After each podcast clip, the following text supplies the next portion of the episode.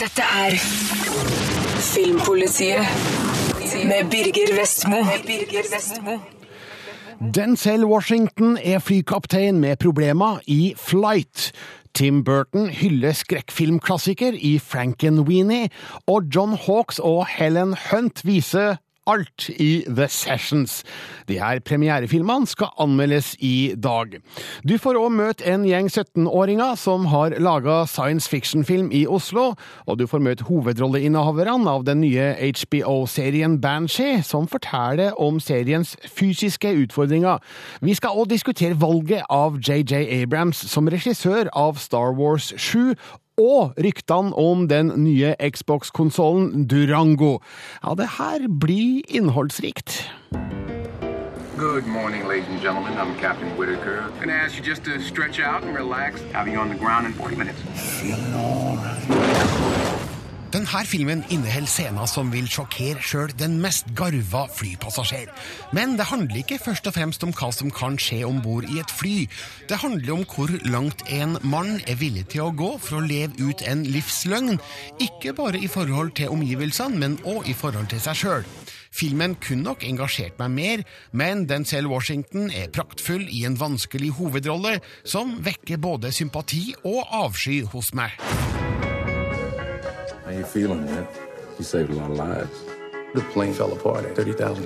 Flykaptein William Whip Whittaker, spilt av Washington, redder mange liv med en spektakulær nødlanding. Han omtales som en helt i media, men den interne etterforskninga avdekker forhold som likevel setter han i et dårlig lys. Det her kan få alvorlige følger for han, til tross for dåden, men Whip gjør sitt ytterste for å dekke over det faktum at etterforskerne kan ha et poeng. Why do we need a lawyer? You don't remember having your blood drawn the night of the crash? You had alcohol in your system. That could be life in prison.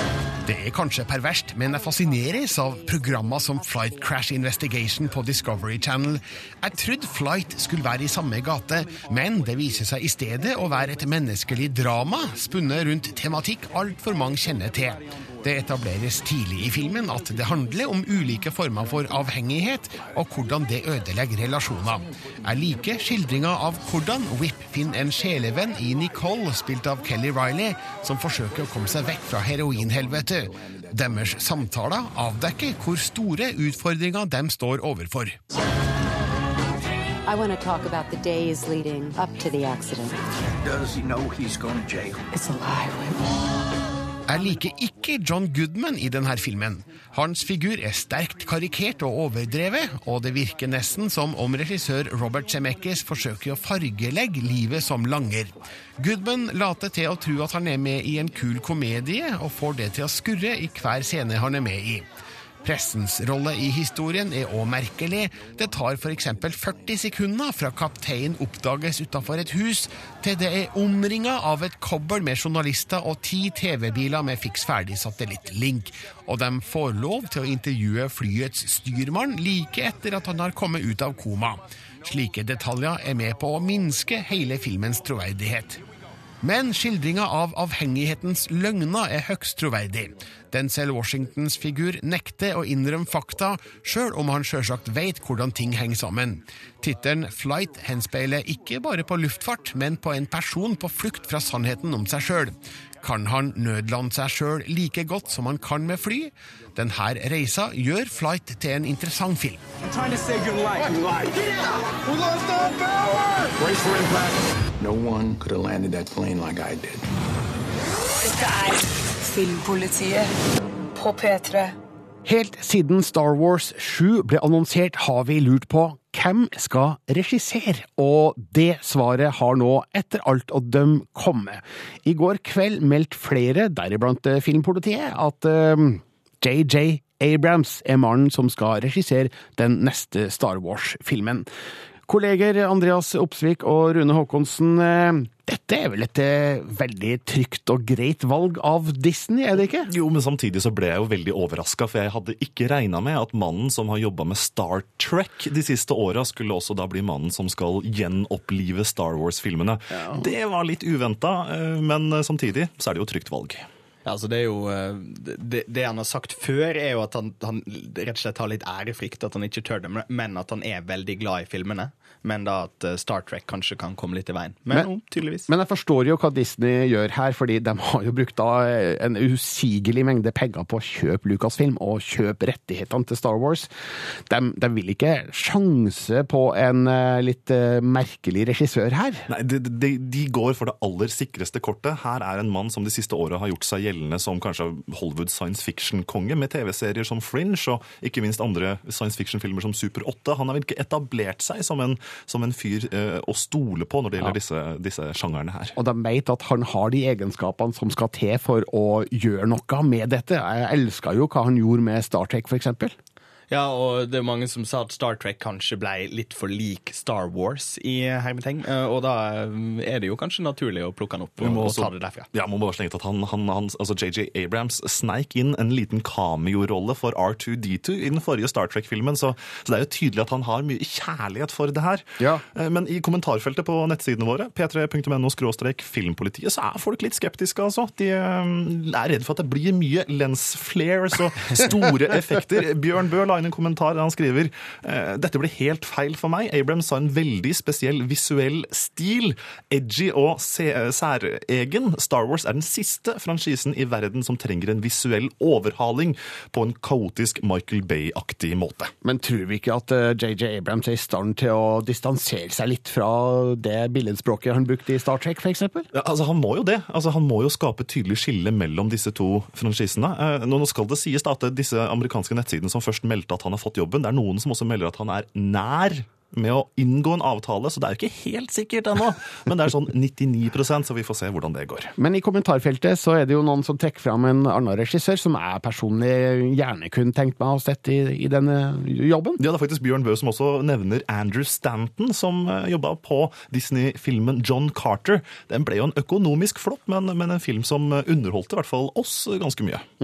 Hvilke krav skal vi stille til JJ Abrams eh, nå da, Andreas, hvis det er slik at han får jobben med å lage Star Wars eh, 7? Vi, jeg, jeg tror, som Rune sier, at det er viktig at det, de ikke ser like ut, Star Trek og Star Trek. Nei, Star Trek og Star Wars. Ja, nettopp. Nettopp. Oi, oi, oi, oi, oi. Eh, De, de må se forskjellige ut, og det må være liksom en egen nerve. Men han, han må plukke frem den der leikne, eh, men fortsatt litt sånn skummelt, eh, merkelig utenomjordiske, som han f.eks. hadde i, i Super 8. Og da tror jeg det kan fungere helt fint, for å være ærlig. For det må jo bli veldig viktig for Abrams også å, å lage en Star Wars-film som ikke ligner Star Trek-filmene han også driver på med. Altså, det her vil jo være filmen som definerer resten av hans karriere, uansett hva han har gjort før. Hvis han ødelegger Star Wars, så, så vil hans karriere på mange måter være over. For eh, når Disney først har henta inn noen og, og bygger de opp på den måten her, så er forventningene skrudd i taket. Og det er i hvert fall mine forventninger til Abrams. Vi, vi får se om JJ Abrams blir eh, offisielt eh, annonsert som eh, regissør av Star Wars 7. Veldig mye tyder på det nå. Hva syns du om det? Gå inn på p3.no slash filmpolitiet og legg inn din kommentar om Abrams som Star Wars-regissør. Du hører på Du hører på P3. Den nye HBO-serien Banshee går nå på Seymour Series her i Norge. Her møter vi skurken Lucas Hood, som stjeler identiteten til den påtroppende sheriffen i småbyen Banshee. Hovedfiguren spilles av Anthony Starr, som er et nytt blad i USA, men han er en stor stjerne fra før i Australia og på New Zealand. Mona B. Riise har snakka med han og medskuespiller Ivana Milisevic om innspillingas fysiske utfordringer. Og da hun først møtte Star, viste det seg overraskende nok at han har en viss tilknytning til Norge. Jeg snakker norsk, men eh, Gjør du det? bare veldig litt. Hvorfor det? Uh, for jeg har borte i Norge til uh, to år. Oh, is that right? Yes. It was kind of right, eh, but that, when I was 20, so it was like it was a long time ago. Just bartending and traveling around Europe. I do solemnly swear that I will faithfully perform the duties of Banshee County Sheriff, the office of which I now enter, and that I have no knowledge of any circumstance, past or present, that would disqualify me from the assignment of this office. So help me God. Mestertyv, fengselsfugl og sheriff Lucas Hood blir spilt av Anthony Starr, som med sine 37 år måtte jobbe knallhardt fysisk for å klare all action og slåssing i Banshee. I mean, I knew it was going to be physical. Like reading right off the bat when I read the, read the pilot script, I was like, yeah, okay, this is going to be, it's going to be a, a physical challenge. But nothing, and we did we did do a lot of training, but nothing could prepare you. You know, like the day one, I had six stitches in my lip, and uh, yeah, fight went wrong, and, a, and of course we were in a river. He threw his head up and cracked me in the lip, and it just opened up. It was crazy. It was just, you know, it, I got torn hamstrings, I got smashed elbows, like, and you know that was uh, a sign of things to come. Really, I mean, it was brutal. How did you find me? Brutal vold er en del av Banshee, men også tilnærmet naturlig sex. Ivana Milisevic spiller Lucas Hoods gamle kriminelle partner og store kjærlighet Carrie, som har fått ny mann mens Lucas har vært i fengsel. Og Ivana har også måttet pushe noen fysiske grenser i Banshee. Leave here and forget about me. If I don't, I'll kill you myself. This is my third HBO show, and I've always had no nudity clauses up until now. And with this one, I was actually telling them to push it. I just wanted it to be really bold, and I wanted it to be really natural. Like, I wanted a scene where if I'm talking to my husband in the bathroom, like, you know, I'm shaving. You know what I mean? Like not not just like supernatural stuff that you do in life. I I try to do that as much as possible and the hardest moment was getting naked. Cuz then it's like it's, it's that 1 second where you're like I don't know what you thought was going to be under here, but this is what it is. And now that we're done with that, now we can carry on because our set was really really close. We really thought that we could do something if we worked really hard and put everything into it. We thought we could maybe do something special with this crazy, actiony, sexy show. Why didn't you do it before then? Why was the castle Well, I had some more living grandparents. I only have one left now. In this one, my character is having sex with my husband. Flashbacks with the love of my life. It's not like I'm just being sexy to be sexy. There's like some nature to it. So I just felt comfortable. And then, which is so me, I didn't just feel comfortable. Then I was like, well, then let's push it. I hope. It, it- listen, it could have been the hor- it could have been a horrible idea. We'll see how it all turns out. But my intentions were really kind of pure as I was going far in this arena. We have to get out of Banshee right now.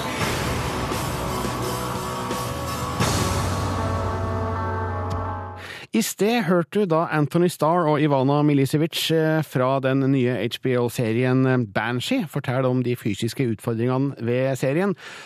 Men det viser seg at det er en utfordring å se serien òg, ikke sant, Maria Lindberg? Ja, det gjør det. Du, du, har, du har sett de to første episodene, som altså går da på, på Seymour eh, Series og HBO Nordic, faktisk. Eh, Men du er ikke imponert? Nei, jeg måtte slite meg gjennom to episoder. Jeg ga det terningkast to, og jeg sleit i utgangspunktet med en ekstremt sånn usympatisk og overfladisk og ja, lite karismatisk hovedperson, han her eh, Lucas, da. Han, er, er, det ikke Lucas- gøy med usympatiske folk på, på, Jo, på film og TV? jo, vi elsker jo usympatiske folk, men da må de ha en sånn X-faktor ved seg, og en sånn, et personlighetstrekk som gjør at man kan ha litt empati med dem òg. At Ja. man får lyst til å heie på dem, og får lyst til at de skal klare det, de, det som er oppdraget deres, uansett om de er banditter eller hvem de er. Og her eh, er han altså da en skurk som stjeler identiteten til en eh, sheriff, en Mm. påtroppende sheriff. Mm. Og så har han da ei kone, og, og de to har sammen da stjålet penger fra en eh, superskurk. Ja, de, Han drar jo tilbake til den byen her, Benji, eller han oppsøker hun, kjæresten sin etter å ha sittet 15 år i fengsel. Når han kommer tilbake til byen, så finner han ut at diamantene er borte, og han mistenker kanskje litt at den dattera som hun har, eh, kan være hans. Så det er jo derfor han velger å bli i, i byen. Ja. Altså, det høres jo interessant ut da, i utgangspunktet. Ja, og jeg syntes òg det virka veldig veldig spennende. Spesielt også siden det er en, eh, det er en serie fra Cinemax, som er en sånn søsterkanal fra HBO. Eh, og HBO bruker jo stort sett alltid å levere, derfor var forventningene ganske høye òg. Ja. Eh, men jeg ser det er mange som kommenterer og, og snakker om Cinemax som liksom den skitete lillesøsterkanalen til HBO, hvor de, hvor de sender det som ikke er godt nok til å komme på moderkanalen. Ah. Jeg syns det virker litt sånn nå, altså. Du, nå hørte vi jo i sted både Anthony Starr og Ivana Milisevic fortalt om de fysiske utfordringene eh, med serien. Mye vold og mye sex. Er ikke det bra, da? Jo, det er nå for så vidt det, men jeg har mer inntrykk av at uh, i denne serien så er det mer sånn fordi vi kan. Det er derfor det er putta inn. Oh. Eh, sexen, Jeg tenkte over det at det var litt sånn softpornodrag i det av og til, men volden den la jeg faktisk ikke så mye merke til. Jeg lurer på om vi begynner å bli litt avstumpa og begynner å bli så begynner å bli så vant til grove voldsskildringer at det tenkte jeg nesten ikke over. Ja, det skal mer til. det skal mer til. Ok, Så Banshee er en serie man kan eh, glatt eh, gå forbi? Ja, eh, kjedelig hovedkarakter og et plott som trenger å sys kraftig sammen. Takk skal du ha, Maria Lindberg. Vil du uansett likevel sjekke ut Banshee, så går den altså på Seymour Series og HBO Nordic. Filmpolitiet på P3. Widescreen på radio. When you lose someone you love, they never really leave you. They just move into a special place in your heart. I don't want him in my heart. I want him here with me. I know. If we could bring him back. Jeg ønsker en Tim Burton-film velkommen når som helst, også dem av middels kvalitet til han å være. Frankenweenie er en slik en. Dette er en spillefilmversjon av Burtons egen kortfilm fra 1984, og ivaretar hans posisjon som en av USAs særeste mainstream-favoritter. Vi har å gjøre med en mørk, skrudd og morsom hyllest til 1931-klassikeren Frankenstein, som kanskje ikke setter særlig dype spor, men underholder godt med Burtons nerdehumor og særegne billedspråk. Sparky is a great dog, a great friend. The best dog a kid could have. Den smarte og oppfinnsomme gutten Victor blir sønderknust når bikkja Sparky blir overkjørt og drept. Men under et skoleprosjekt får han ideen om å gjenopplive Sparky ved hjelp av lynets krefter. Dessverre oppdager noen jevnaldrende barn hva han driver med, noe som utløser flere gjenoppstandelser av det tvilsomme og farlige slaget. It's invisible. It's an invisible goldfish. Why is it invisible? I have no idea. Filmen er laga med nydelig stop motion-animasjon i herlig skrekkfilm sort-hvitt og subtil 3D-bruk. Det er gjennomført på en ikke særlig skummel, men sjarmerende måte. Dette er en feiring av følelsen av å se de gamle skrekkfilmklassikerne. Det er ikke bare en studie i sort-hvite stemninger, men òg av den hyppig brukte historien om mennesker som forsøker å leke Gud med store konsekvenser. Something big is gonna happen. Figurene i Frankenweenie er utstuderte i all sin overdrevenhet, med forsterka ansiktstrekk, f.eks. læreren med verdens lengste overleppe, klassevenninna med verdens største øyne og bølla med verdens dårligste tenner. Persongalleriet består altså, som forventa, av en variert beholdning av skrekkinspirerte figurer. Det samme gjelder stemmene, levert av bl.a. Winona Ryder, Martin Short og Martin Landau. Rise, Colossus, from your tomb! Frankenweenies hovedproblem er at vi nylig har sett Paranorman på kino, en enda morsommere og skumlere stop motion-animert 3D-film om en gutt og gjenoppstandelser fra grava. Her ser Burtons film litt bleik ut, og ikke bare i fargepaletten. Men det er en fornøyelig film, full av fine referanser til skrekkfilmhistorien. Frankenweenie fortjener 87 minutter av min og din oppmerksomhet. I need your help. I asked him first. My problem bigger. Yeah, he's right. Filmpolitiet på P3. Tidligere denne uka kom det opplysninger om Xbox sin kommende konsoll, som går under navnet Durango. Filmpolitiets spillekspert Rune Haakonsen, skal den nye konsollen het Durango? Nei, dette her er nok et, eh, et sånn kodenavn som de gjerne bruker under utviklingen av sånne konsoller. Eh, man eh, tror også f.eks. at PlayStations nye spillkonsoll går under kodenavnet Orbis. okay. Så her er det mye kreativitet ute og går. Uansett, det kom da opplysninger på nett denne uka som påstår å være eh, de tekniske spesifikasjonene til den kommende Xbox-konsollen. Hvor troverdige er de her opplysningene? Sånne opplysninger kommer jo støtt og stadig, og spesielt nå da i opptakten til at Microsoft og Sony skal eh, avduke sine nye konsoller. Det er venta at de gjør på de store spillmessene nå til sommeren, eh, så det er ikke uvanlig Eh, Nå har da denne, disse opplysningene ligget ute snart i fire dager, og det er ikke blitt avkrefta ennå. Sånn at det tyder på at det er noe sannhet i akkurat disse detaljene. Men hvis disse spesifikasjonene og beskrivelsene stemmer, hva kan vi vente oss av den kommende Xbox-konsollen? Vi kan vente oss en mye kraftigere maskin. Eh, Den nåværende Xboxen har en prosessor med såkalt tre kjerner, mens den nye Xboxen, skal vi da tro i noe informasjon som har kommet ut, skal ha hele åtte kjerner, noe som betyr at den får betydelig eh, økning da i datakraft. F.eks. Eksempel da til å lage bedre grafikk. Den har også en eh, ny HDMI-inngang, eh, visstnok. Hva kan det tyde på? Det spekuleres i at det her kan bety at Microsoft også ønsker at den nye Xboxen skal være en PVR-boks, eller en TV-opptaksboks, og det høres eh, egentlig ganske logisk ut. De siste to årene så har Microsoft jobba veldig hardt for å forene alle, da, eksempel mobiltelefon, nettbrett, datamaskin og spillkonsoll til én samme plattform. Så jeg kan jo se for meg at man kanskje kan ta opp et TV-program, og så fortsette å se det på telefonen f.eks. Så det her er ikke helt usannsynlig, spesielt da med måten vi ser at Microsoft tenker rundt Windows 8, som også ventes å bli en sentral del av den nye spillkonsollen. Disse tekniske spesifikasjonene er fryktelig eh, tekniske.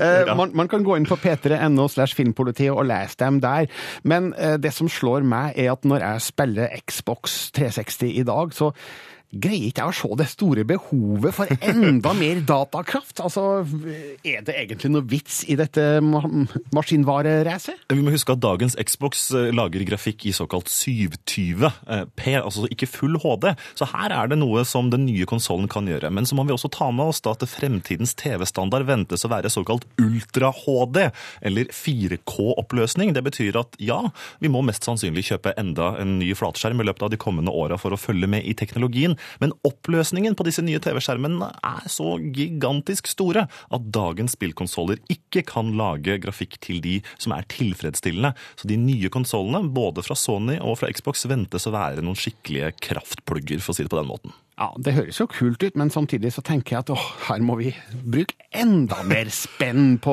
ting vi allerede har eh, versjoner av fra før. Ja. Det blir nok en ganske dyr inngangspris eh, som det pleier å være på nye konsoller, men eh, vi ser jo nå, etter et par år med Xbox og PlayStation, at prisen faller godt ned, så vi kan jo håpe at det også vil skje med de nye konsollene. Men føler du at det er noen etterspørsel i markedet etter nye konsoller fra Microsoft og Sony? Nå spør du jo en spillentusiast selv her, Mm. så at jeg sier jo selvfølgelig ja, og jeg tror nok at markedet er veldig stort. Men det spørs nå å se da, om dette kanskje blir en av de siste gangene vi får se nye konsoller, for vi har jo hørt mye om den her nettskya, som også Ja. helt sikkert kommer til å gjøre seg gjeldende på disse konsollene her. Vil du lese hvilke rykter som eh, gjelder nå da for Xbox Durango, så kan du altså gå inn på p3.no filmpolitiet, lese spesifikasjonene der, og du må gjerne legge en kommentar i feltet under. Du hører på Du hører på P3.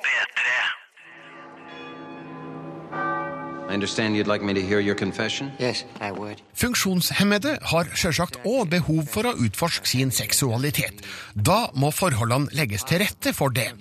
Uansett hva du måtte mene om det, er The Sessions et vakkert og rørende drama om hvordan en sterkt polioramma mann kaster seg ut i det store eventyret med litt uventa konsekvenser. Jeg føler at regissør Ben Lewin rosemaler forholdsvis mye i denne filmen, men godt og modig spill av John Hawks og Helen Hunt løfter opplevelsen. Historien er basert på sanne hendelser og personer. Den polioramma poeten Mark O'Brien, spilt av John Hawks, kan nesten ikke bevege seg og er 100% pleietrengende. Livet leves horisontalt med konstant behov for ekstra oksygen. Netteren tilbringes i en jernlunge. Nå ønsker han å miste jomfrudommen, og får hjelp til det av sexsurrogaten Cheryl Cohen Green, spilt av Helen Hunt. Men de her møtene skal vise seg å utvide begges horisonter på flere måter. Your money's on the desk over there. Yes, it is. That was the wrong way to start off. It really was. Shall we start again? Filmens tematikk krever selvsagt en stor grad av nakenhet, som både Hawks og Hunt stuper fryktløst ut i. Men det her er ikke spekulativt. Nakenheten føles like naturlig som den er nødvendig. Man aner kanskje at Hunt lever litt sunnere enn de fleste 49-åringer, mens Hawks ser ut til å ha tyna kroppen mye for å fremstå som troverdig polioramma. Men sjøl i de mest intime sekvensene ser vi menneskene, ikke kroppene. Så hvorfor virker historien rosemalt? Den er nesten mistenkelig lys, til tross for vanskelig tematikk. Man skulle tro at Mark hadde snev av depresjon, men han er like lystig som en nordnorsk sommerdag er lang. Kvinnefigurene i filmen synes å få omsorgssjokk for denne poeten i sykesenga. Man kan argumentere med at de ser den fantastiske sjela i den ødelagte kroppen, men jeg har en følelse av at nettopp denne funksjonshemminga er sterkt medvirkende til medlidenhetsgaloppen. Men skuespillet holder altså god kvalitet. Hawks er svært troverdig som Mark, Hunt er svært solid som Cheryl, mens William H. Macy er nok et lyspunkt som fader Brendan, Marks faste samtalepartner. Han er faktisk for kul til å være prest. Unnskyld, prester. Filmens innhold vil kanskje skremme noen fra å se den, men The Sessions har positiv og verdifull livsvisdom å komme med. Den ser forbi hovedfigurens funksjonshemming og lar oss møte mennesket bak.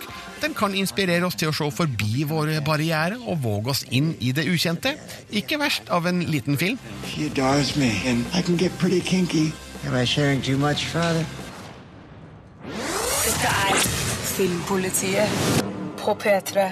Nå skal du få høre lyd fra en ny norsk science fiction-film, som har eh, premiere i Oslo på mandag. Det her er lyd fra traileren til Everyone. Your best shot will be to get a chip, and to get that, you'll have to break into my old lab.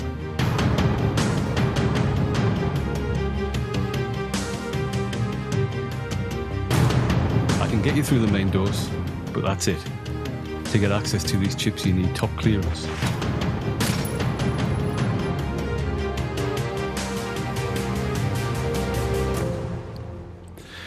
Det som er spesielt med Everyone, er ikke bare at det er en ny norsk science fiction-film, men at de som står bak, er rimelig unge. Velkommen til Filmpolitiet, Jaran Brean Herdal og Jens Peder Hertzberg. Tusen takk. Tusen takk. Dere er 17 år gamle, stemmer det? Det stemmer. Eh, Vi var jo 16 når vi filmet filmen. Ja. Hvor lenge har dere jobba med film, egentlig? Åh, siden vi var eh, 14-15 år, tror jeg. Ja, noe sånt. Dere begynner allerede å få noen år på baken da, når det gjelder å lage film, men nå har dere altså gått hen og laga en helaftens eh, science fiction-film. Hvordan i all verden starta det prosjektet? Altså, det var jo ikke planlagt. Det skulle jo være en kortfilm. eh, Og det ble jo det ble hovedsakelig skrevet for å se om vi kunne provosere et publikum med å finne ut av hva er det vi kan skrive inn her som ikke egentlig er mulig. Eh, Men så fant, prøvde vi å lete etter en produsent, og produsenten sa at dette må enten gjøres til en kortfilm eller til en spillefilm, for vi lå et sted mellom. Eh, hva handler Everyone om? Eh, Everyone handler om en gutt som havner i en alternativ virkelighet, som må komme seg vei tilbake igjen for å redde sin suicidale bror. Mens da tre milliarder mennesker blir sporløst meldt savnet. Det her høres veldig stort og ambisiøst ut, eh, og det er også en utstrakt bruk av effekter i filmen, og det er det du, Jens Peder, som har stått for. Eh, ja, det har det. Eh, Hvordan har du fått til det du har fått til i filmen? Um, jeg, har, jeg har brukt mange, mange, mange, mange timer bak PC-skjermen. og bare lært meg teknikker som, som egentlig er ganske billige triks for å fake type veldig dyre eh, visuelle effekter. Men eh, brukt, eh, brukt programmer og eh, bare sittet hjemme og holdt på egentlig i et halvt år nå, eh, og fått et ganske bra resultat. Ja, For arbeidsfordelinga her, slik jeg har skjønt det, at du har tatt deg av mye av det tekniske i filmen. Ja.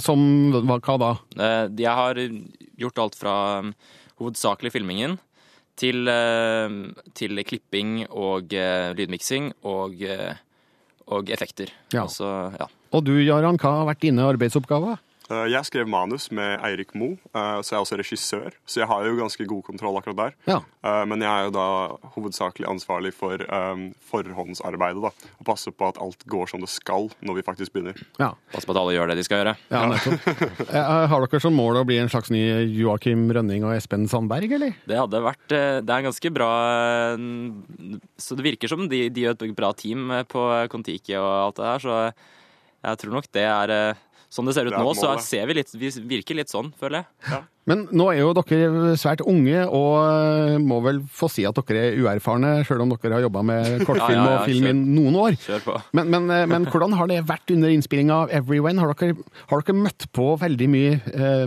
problematikk som kanskje ikke var forutsett? Uh, altså det som er, Vi er jo 17 år, så vi blir jo fort uh, tatt useriøst. Uh, og vi ble jo nesten politianmeldt en gang også.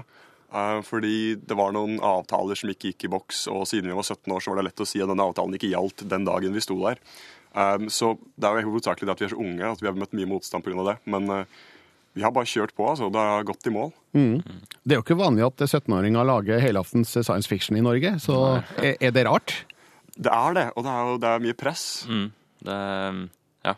Det er mye, mye press på det at vi er 17 år og vi skal lage en spillefilm. og eh, Mange som syns traileren ser veldig fin ut, og vi bare håper at vi klarer å holde på den kvaliteten der. Også. Det virker ikke å være noe i veien med ambisjonene, og jeg har hørt at under innspilling så stengte dere av eh, Karl Johan. Ja. Er det noe man bare gjør i en håndvending? Nei, altså vi, vi, vi sendte inn en søknad til, til politiet, og så fikk vi godkjenning på at vi kunne stenge den av en søndag ettermiddag. Og det, det gikk jo egentlig kjempebra. Vi fikk eh, akkurat tid til å spille inn det vi skulle spille inn før det begynte å komme folk. Så, eh, men det er jo selvsagt Det er jo ikke noe folk gjør. Det er jo Det er, det er jo eh, Det er litt unikt, kanskje. Mm. Ja. Når jeg ser traileren, så det ser veldig fint ut, og det høres veldig fint ut. Det virker som dere har eh, sett en, eh, en god, et godt utvalg av amerikanske filmtrailers. Er Ja, det- ikke sant? Det er jo det. Altså, vi, liker jo, vi er veldig glad i amerikansk film. uh, hovedsakelig fordi de, under, hva heter det, eh, fokuset deres ligger på underholdning. Og det er, det er det jeg og Jens Peder jobber med. Vi jobber med underholdning. Mm. Uh, vi jobber ikke med filmkunst. Det lar vi noen andre gjøre. Eh, og det er jo, en amerikansk film er veldig bredt. Det er lett å se på det. Så målet var liksom å se, kaste norsk film ut i en retning de ikke har vært i ennå. Ja, og det ser altså veldig pent ut. Hva slags eh, kamerautstyr har dere hatt eh, tilgang til? Eh, vi har filmet eh, hele filmen på eh, Red One. Eh, det er jo et 4K-kamera. Det spiller jo inn i helt, eh, helt enorm oppløsning. Og eh, det er et veldig tungt format å jobbe med i etterkant, men, eh, men det, har på en måte, det har gitt filmen et helt annet uttrykk enn eh, det ville hatt dersom vi skulle gått for å spille det på uh, speilrefleks, f.eks. Ja, men er ikke, er ikke det veldig dyrt? Det er dyrt, men vi, eh, vi har fått, eh, fått en veldig grei deal med Groovy Entertainment. heter det Ja. Groovy Entertainment. Ja, eh, siden vi er så unge, så tror jeg vi faktisk fikk noe som eh, 50% og Ja. oppover. Altså, det var helt eh, sinnssykt hvor hyggelige folk var, i og med at vi var så unge. Men unnskyld meg, hvor har pengene kommer fra til alt dette? Ja, det, Det er fond. fond ja. Eh, fond, og vi lagde en film tidligere, det var vel ett og et halvt år siden, er det vel nå, som vi hadde på Frogner kino, hvor det kom i overkant av 200 mennesker. Og da dro vi inn en del penger som sto for halve budsjettet til Everyone. da. Og nå skal filmen altså vises i Oslo på Cinemateket på Filmens hus. Yes. Når skjer det? Klokken eh, syv på mandag er premieren. Den, den er nesten utsolgt. Den er det, altså. Jeg tror det er rundt 30 plasser igjen, eller noe sånt. Ja. Men den skal vises senere i uka og Jens Peter? Ja, den vises både på onsdag og lørdag samme uken, så det er nok da det er størst sjanse for å se den. Ja, nettopp. Eh, hvilke ambisjoner har dere egentlig for denne filmen? Altså, Hva skal dere gjøre med den nå når den er ferdig? Eh, Når den er ferdig, så er veien eh, festivaler. Eh, Vi har allerede blitt kontaktet av et par par distribusjonsselskaper fra Los Angeles som vil ha en såkalt screener, en type testversjon av hva vi har laget. Så det blir vel å sende den til dem, eh, håpe at vi kanskje klarer å havne i butikkhyllene en gang, og kjøre på med festivaler og se hvordan det går. Mm. Eh, hva slags eh, ambisjoner har dere eh, etter Everyone, da? Eh, er, er, er film noe dere vil satse på? Ja, film er definitivt noe vi kommer til å satse på.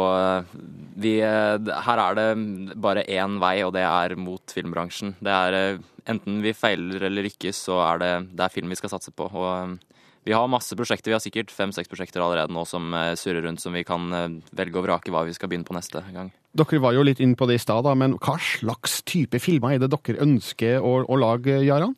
Eh, Det er hovedsakelig, altså det er underholdning. Vi liker eh, som sagt, vi liker kunstfilm, men eh, det er ikke, liksom, det er ikke vårt område. Vi liker å bruke publikum som en type tennisball. Vi har tennisracketene, men vi kan ikke spille nei, tennis uten en tennisball. Så vi, vi velger da å bruke film som et type medie for å for å snakke med et publikum. da. Er Everyone en god indikasjon på den eh, typen eh, film vi kan eh, vente fra dere i fremtida? Det Ja. Ja, ja. Det er Absolutt. nok Om ikke akkurat Ja, i fremtiden så vil det nok bli det. Nå er Everyone Everyone var veldig stort i forhold til hvor, hvor unge vi er når vi begynte på det. Så jeg tror at eh, Men jeg tror at etter hvert nå som vi begynner å se hvordan, hvordan vi kan lage type filmer som Everyone, så tror jeg at eh, det er, det er den type film vi kommer til å satse på etter hvert nå, altså. Men Tar dere også sikte på, på videre utdanning, f.eks., for, eksempel, eh, for å forberede dere til en filmkarriere? Ja, tenker vi snakker om Ja, vi gjør det. Altså, altså veien er jo, Drømmen er å komme oss inn på filmskole i Los Angeles. Uh, men det er jo, vi har hørt så mye rykter om at hvis vi, holder, hvis vi fortsetter som vi gjør nå, så er ikke det noe poeng.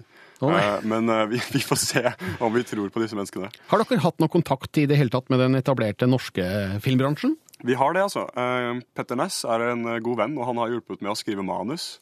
eh, Og har lest gjennom utallige ganger. Og vi har bl.a. Kama-kameratene, som har laget Dag med Atle Antonsen. De sponset oss med utrolig mye utstyr til den innspillingen. Mm. Så vi må takke dem, altså. Så skal vi si at karrieren er i gang.